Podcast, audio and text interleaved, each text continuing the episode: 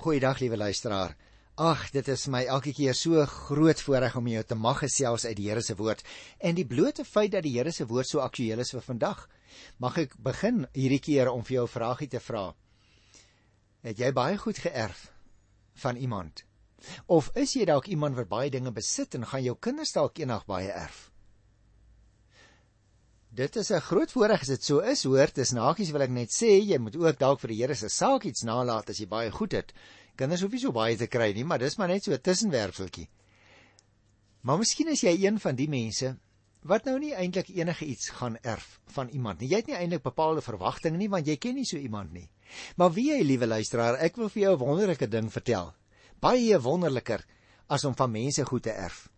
Want hier in Galasiërs by die 4de hoof leer die Bybel vir ons dat ons erfgename is van God. Wie jy en ek om nou heel prakties konkreet platvoet op die aarde te wees. Jy en ek kan rondom ons kyk wanneer ons so op die grond stap. Ons kan na die bome kyk, na die gras. En ons kan sê, "Ag, ek dink die wêreldlinge besef dit eintlik nie, maar hierdie dinge behoort maar meer as nog dat ek 'n erfgenaam van aardse dinge by die Here is, is ek 'n erfgenaam van die hemelse koninkryk. En ek gaan dit nie eers eendag kry nie, wel, ja, eendag in sy volle omvang en afronding, Maar ek het reeds die koninkryk van God. Die gees van die Here woon alreeds in my binneste, sê Paulus in 1 Korinte 3 vers 16. En die Heilige Gees oortuig my van dit wat in die Here se woord staan. Daarom is ek so lief vir die Bybel.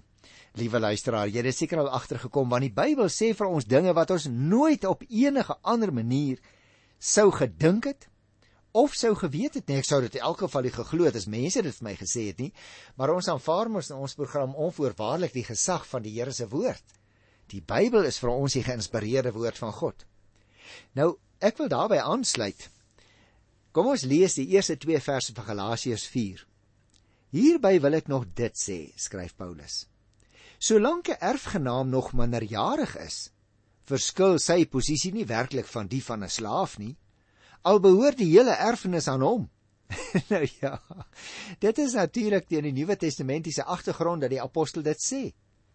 Want daardie tyd was daar nog slawe. Hy sê vers 2 tot die dag wat sy pa bepaal het, staan die kind onder die toesig van voogde en word sy besittings deur bestuurders beheer. Dit is in ons dag ook nog so as iemand sterf en die kinders is minder minderjarig en albei die ouers is oorlede, dan word daardie erfenis van die kinders onder die toesig geplaas van voogte wat daaroor moet toesig hou en eers wanneer die kind of kinders 'n bepaalde ouderdom bereik het, dan kry hulle hulle volle erfenis. Nou Paulus gebruik daardie doodgewone beeld uit die elke dag se lewe om vir ons 'n belangrike les te leer. Jy sien eh, Paulus sal jy onthou het in die vorige gedeelte waaroor ek die vorige keer ook gesels het, die beeld van die beloftes en die erfgenaam in 'n testament gebruik. Gaan kyk gerus as jy wil weer by Hosea 3, spesifiek by vers 15 en ook vers 29 wat ek verlede keer behandel het. Miskien moet ek dit gou weer lees.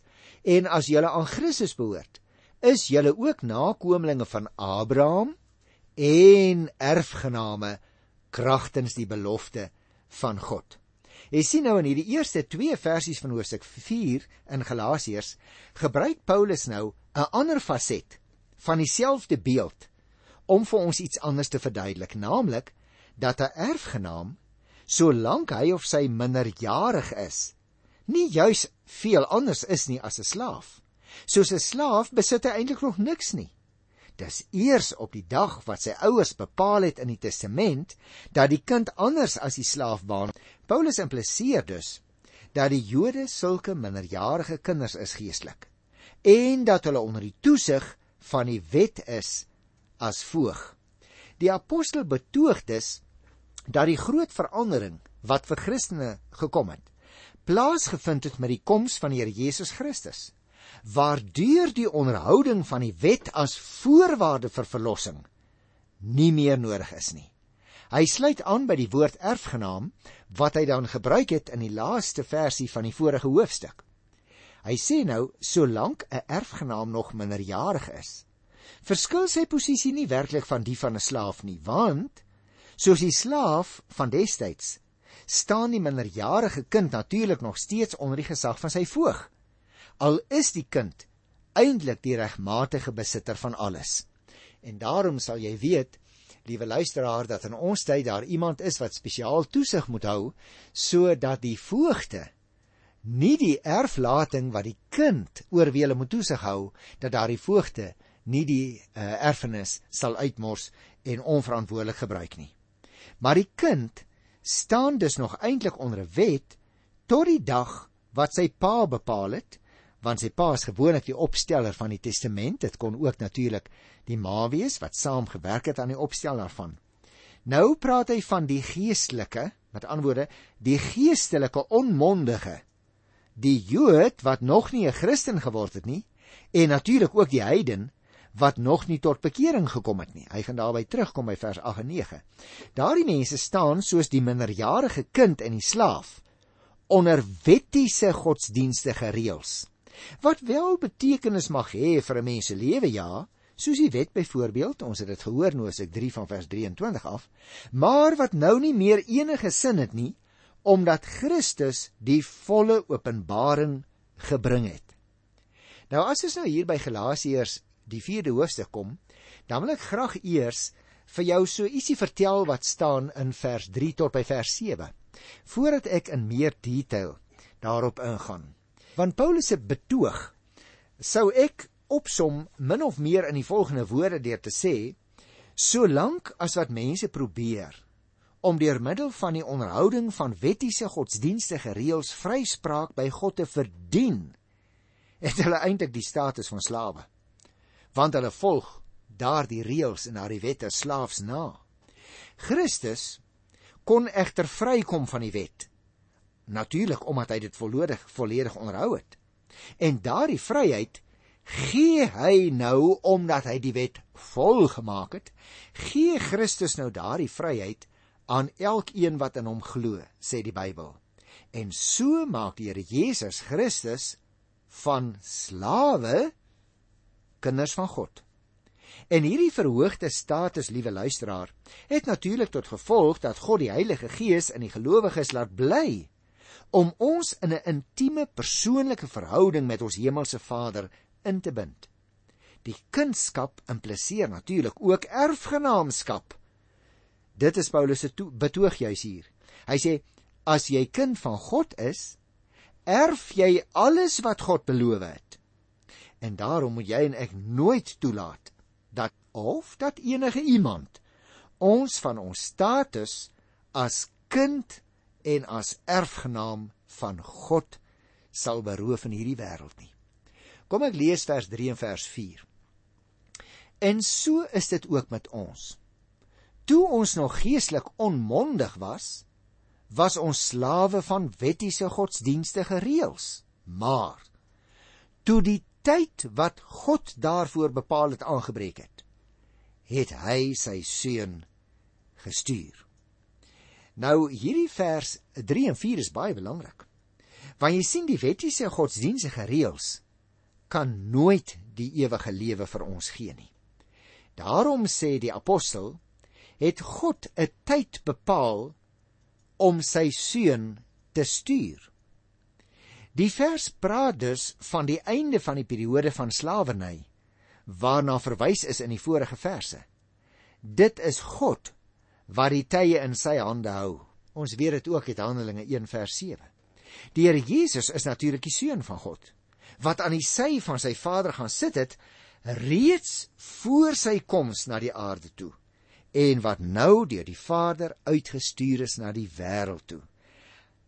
Hier staan, hy is uit 'n vrou gebore waardeur sy mensheid onderstreep word.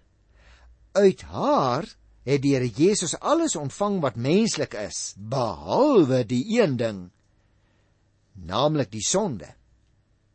Ek wil voordat ek verder gaan na vers 5, nog 'n bietjie gesels oor hierdie opmerking wat in vers 4 staan. Die ou vertaling het gesê in die volheid van die tyd het God sy seun gestuur. Nou vertaal ons dit 'n bietjie anders en dit lyk vir my dit is meer korrek so. Maar toe die tyd God daarvoor bepaal het. Nou watter tyd was dit? Ons moet onthou, liewe luisteraar, oor wat ons vandag ken as die staat Israel, vroeër in die geskiedenis bekend gestaan het as Israel. En in die tyd van die Nuwe Testament was dit 'n buiteprovinsie van Rome natuurlik. Nou dis vir ons baie belangrik om dit te weet. Want die Romeine het oor kom ons noem dit dan nou maar Palestina. Die Romeine het oor Palestina regeer van die jaar 63 af voor Christus. En die Romeine het 'n geweldige groot bydrae gemaak tot die wêreld van destyds. Byvoorbeeld wat ons gewoonlik noem die Lex Romana, dit is die wetgewing oor wet en orde, of die Pax Romana, relatiewe vryheid behalwe natuurlik belasting, daarvan het hulle nie die mense uh, vrygestel nie, maar hulle het vryheid geniet. En dan natuurlik wat ons soms noem die Via Romana, die Romeinse paaie wat die kommunikasie bevorder het, wat die beweging tussen een land en een provinsie en 'n volgende natuurlik baie bevorder het. Nou hierdie periode dus wat bekend geraak het in die geskiedenis as die Romeinse periode. Kan ons ook onderverdeel. Ek gaan dit nou nie onderverdeel nie, dan klink dit te moeilik, maar ek wil een periode uitsonder. Naamlik 4 voor Christus tot 37 na Christus. Dit was die periode van wat ons nou gewoonlik sou noem die tyd van die Nuwe Testament. Die tyd waarin die Here Jesus ook gebore is. Want daardie periode 4 voor Christus tot 37 na Christus was die tyd wat 'n baie beroemde Romein oor Palestina regeer het met die naam van Herodes Antipas. Nou ek wil nie teruggaan in die geskiedenis hier liewe luisteraars, maar dit was mos nou hierdie Herodes Antipas na wie die Here Jesus verwys het as daardie ou jakkals. Nou hy het tydens die Here Jesus se lewe op aarde uh opgetree daar in Palestina as die verteenwoordiger van die keiser wat natuurlik in Rome gesetel was. Maar nou is dit 'n belangrike tyd as ons hierdie teks reg wil verstaan want ek het nou net vir jou verduidelik die Romeine het 'n baie belangrike bydrae gemaak op verskillende terreine. Maar in daardie selfde tyd het daar op 'n baie sterk manier sekere Joodse godsdienstige groepe na vore gekom. Byvoorbeeld, ons ken die meeste van hulle uit die Nuwe Testament. Byvoorbeeld die Fariseërs. Selfs vir hulle wat so klem gelê het op die wet, het die Here Jesus in Matteus 11 gesê: "Kom na my toe. Almal wat vermoeid en belas is, en ek sal julle rus gee." daarmee het hy waarskynlik verwys na al die godsdienstige reëls wat die Fariseërs opgestel het. Daar was natuurlik die Sadduseërs. Nou hulle het nie alles geglo wat in die skrifte staan nie, soos byvoorbeeld sal jy nog onthou die opstanding uit die dood of die bestaan van engele. Die Sadduseërs het dit glad nie aanvaar nie. Daar was daar die Herodiane. Ons lees van hulle Matteus 22 en die Herodiane, jy kan nou dadelik aflei, hulle was aanhangers van die Herodes party. Gaan kyk maar Matteus 22, daar sal jy sien hoeveel klem hulle gelê het op die belasting. Dan was daar ook die Esseners. Nou ons lees nie eintlik van hulle vreeslik baie nie, maar ons het baie dokumentasie van hulle uh, uit hulle geskrifte wat by Qumran daar op die noordwestelike oewer van die Dooie See opgegrawe is en dan was daar die Selote. Hulle word wel een of twee keer vermeld in die evangelies, byvoorbeeld in Lukas 16 vers 15, waar ons lees dat Simon een van die disippels van die Here Jesus was en Simon was 'n Selote. Ek het al jou al van hulle vertel, want die Selote was eintlik godsdienstige fanatici. Nou luisteraars, dit is nou in hierdie tyd waarin die Romeine dan 'n groot bydrae gelewer het waarin daar baie verdeeldheid onder die Jode was, wat Paulus van praat as die tyd wat God daarvoor bepaal het. Jy sien, die wettiese godsdienstige reëls kan nie die ewige lewe gee nie. En daarom het die Here Jesus baie interessant juis op daardie stadium in die geskiedenis verskyn toe die onderhouding van die wet vir die Jode so verskriklik belangrik was. Nou hoekom omdat die Here Jesus uit 'n vrou gebore is, maar hy was sondeloos. En daarom het die koms en die offer van die Here Jesus geïmpliseer dat die bloedige offers van die Jode na sy sterwe aan die kruis op Golgotha onnodig geraak het. Die 5de vers eh, gee vir ons 'n baie duidelike aanduiding. Kom ek lees dit. Hy, dit is nou die Here Jesus. Hy is uit 'n vrou gebore en van sy geboorte af was hy aan die wet onderworpe om ons wat aan die wet onderworpe was los te koop sodat ons as kinders van God aangeneem kon word. Nou dis 'n wonderlike ding wat hier geskrywe is, liewe luisteraar, want jy sien, van die Here Jesus se geboorte af skryf Paulus, was hy aan die wet onderworpe. Wat beteken dat die Here Jesus hom laat besny het en alles gedoen het wat die wet van hom geëis het. Daarom het sy ouers hom toe hy 8 dae oud was na Jerusalem geneem vir die besnydenis.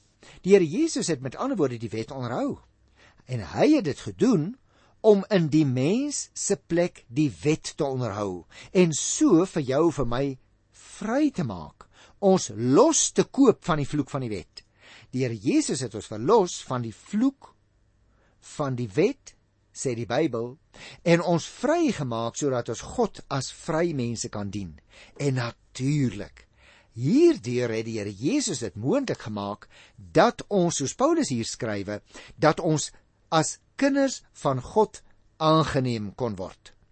Hy het iets daaroor gesê in die eerste 3 verse net nou ook al.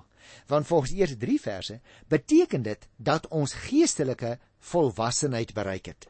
In die plek van die verslawende juk van die wet het Christus die vryheid van kinders van God vir jou en vir my verwerf. Ons het en kon dit nooit nooit verdien uit onsself nie. Jy sien die beeld van die onmondige erfgenaam word dus nou direk van toepassing gemaak op die toestand waarin die mens voor die geloof in Christus verkeer het. En daarom is dit belangrik dat ons dit sal weet. Dis my baie opvallend luisteraars dat Paulus nou oorslaan na die persoonlike voornaamwoord ons. Jy sien wat hy hier te sê het, geld vir hom sowel as vir die bekeerlinge uit die heidendom. Dit geld ook vir jou en vir my natuurlik dat daar geen onderskeid is voordat ons tot geloof in Christus gekom het nie. Dit is 'n saak wat Paulus baie baie duidelik wil beklemtoon. Jy sien ons verkeer almal in toestand van slaafse gebondenheid, onderworpe aan wat hy hier noem wettiese godsdienstige reëls. Nou dit is presies waarmee die Jode in die tyd van die Nuwe Testament besig was. Daarom het ek na hulle verwys. Dit is dus belangrik dat ons hierdie twee kernagtige formuleringe wat Paulus hier maak, sal skryf op die tafels van hart van ons harte. Hy sê gebore uit 'n vrou, gebore onder die wet en daarop volg dan dit wat hy eintlik wil sê om né sodat jy en ek kinders van God kon word. Kom ek sê dit in my eie woorde vir jou. Christus, liewe luisteraar, het volledig mens geword in die menslike bestaanswyse in alle opsigte sy eie gemaak. Meer nog, hierdie bestaanswyse was aan die wet onderworpe, dit wil sê onder dieselfde beperkings wat die wet op geestelik onmondige mense het. Die doel van Christus se onderworpenheid was juis ja was juis om die mens wat hom in dieselfde posisie bevind los te koop sê Paulus, en van hierdie slawe bestaan te bevry. Nou hoe dit gebeur het, was natuurlik deur die koms van die Here Jesus Christus. En wie wat was die gevolg? Vers 4 het dit vir ons gesê dat ons aangeneem kon word as kinders van God. En dit bring my dan by die 6ste versie. En omdat ons sy kinders is, het God die gees van sy seun in ons harte gestuur en in ons roep hy uit abba dit beteken vader jo dit word vir my wonderliker en dieper aan geloofsinhoud. Elke versie wat ek verder lees liewe luisteraar.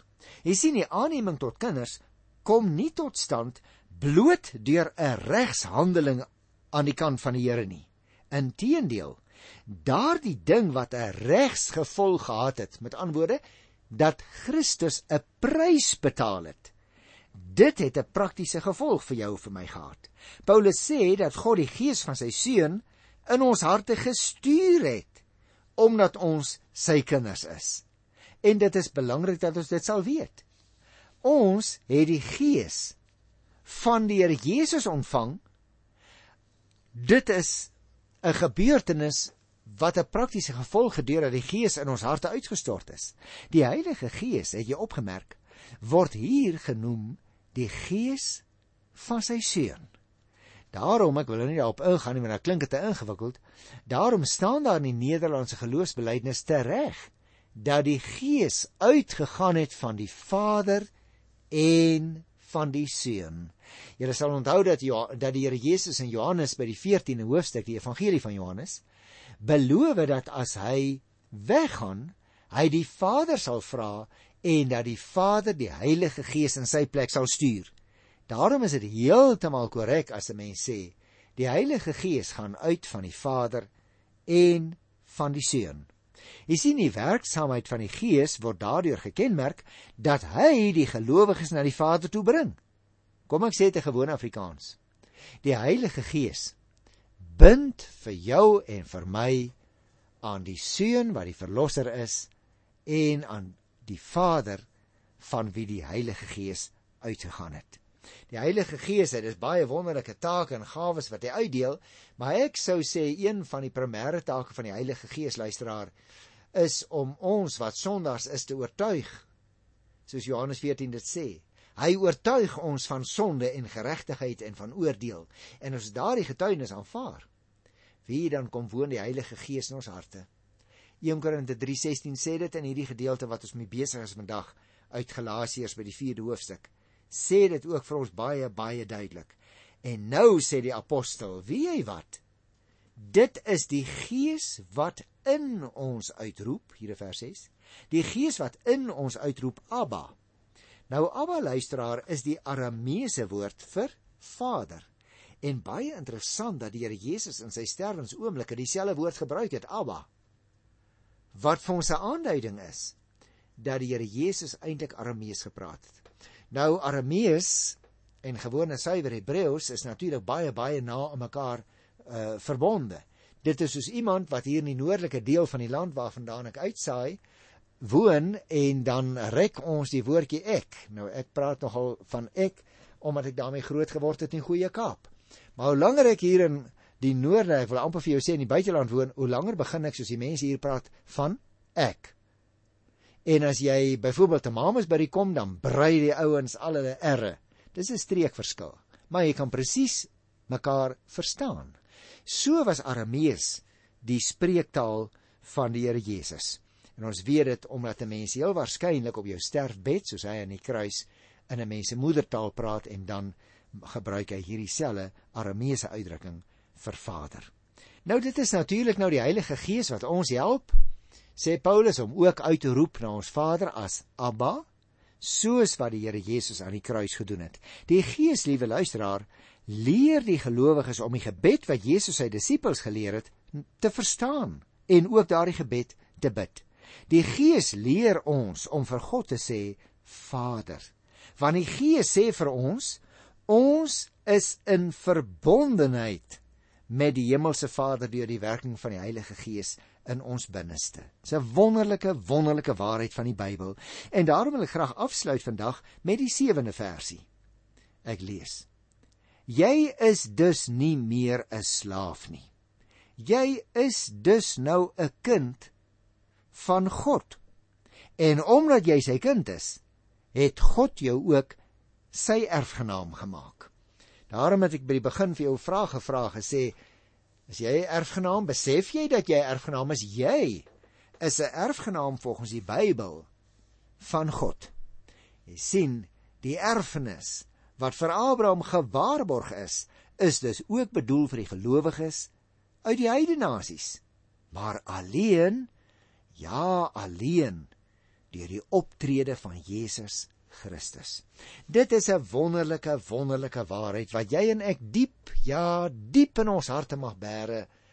Ek is 'n erfgenaam van God in hierdie wêreld.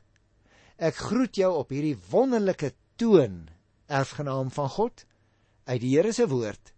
Tot volgende keer. Tot dan. Totsiens.